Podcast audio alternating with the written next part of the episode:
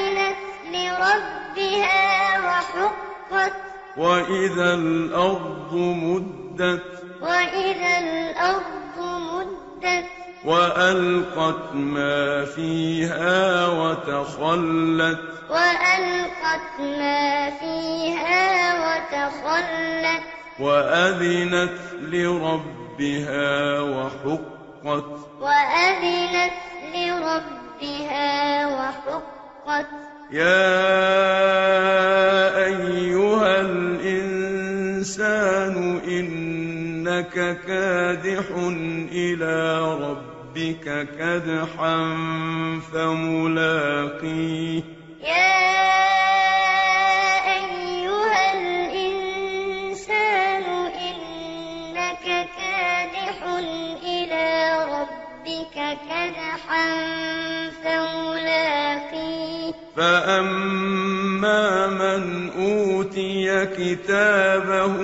بيمينهفسوف يحاسب حسابا يسيرا